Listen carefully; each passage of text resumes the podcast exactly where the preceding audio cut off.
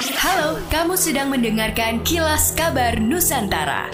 Podcast persembahan KG Radio Network menyajikan berita harian yang mengangkat keunikan dari berbagai wilayah Indonesia. Kilas Kabar Nusantara dapat juga didukung oleh pengiklan loh. Kamu tidak percaya diri dengan penampilanmu? Podcast Semua Bisa Cantik hadir untuk membantu mendefinisikan dan merangkul arti cantik yang sesungguhnya. Dengerin podcast Semua Bisa Cantik dari Media by KG Media dan Stylo Indonesia di Spotify.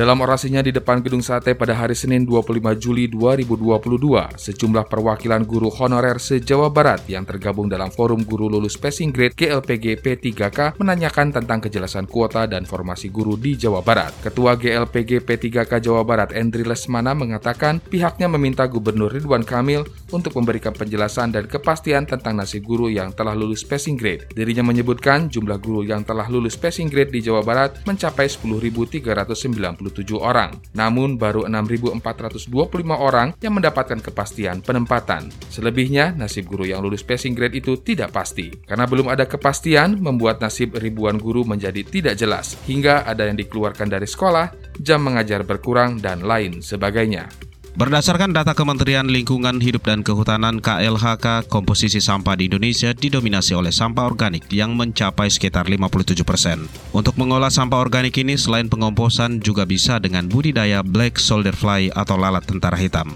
Larva dari lalat tentara hitam dikenal dengan maggot atau belatung itulah yang akan mengurai sampah organik. Metode tersebut diterapkan Bank Sampah Pusat BSP yang berada di Kelurahan Pacerakang, Kecamatan Biringkanaya, Makassar. Secara khusus, Menteri Koordinator Bidang Pembangunan Manusia dan Kebudayaan Menko PMK Muhajir Effendi mendukung pengelolaan sampah organik dengan menggunakan maggot. Menurut Menko Muhajir, upaya itu sebagai aksi nyata dalam gerakan Indonesia Bersih yang merupakan bagian dari Gerakan Nasional Revolusi Mental GNRM. Selain itu, budidaya maggot juga dapat menciptakan sumber penghasilan baru masyarakat. Muhajir mengakui budidaya maggot di Makassar masih terkendala fasilitas dan peralatan yang belum memadai. Selama ini alat yang digunakan masih diimpor dari Korea. Olehnya itu ia meminta pihak pemerintah kota untuk menggandeng kampus maupun stakeholder terkait untuk membuat alat budidaya maggot. Muhajir Effendi menambahkan sampah bukan hanya menjadi masalah di Makassar namun terjadi secara global. Langkah yang telah dilakukan Makassar dengan adanya bank sampah yakni pemanfaatan maggot menjadi hal yang diberi penanganan serius sehingga dapat dikembangkan dan direplikasi di beberapa titik lainnya. Demikianlah kilas kabar Nusantara pagi ini.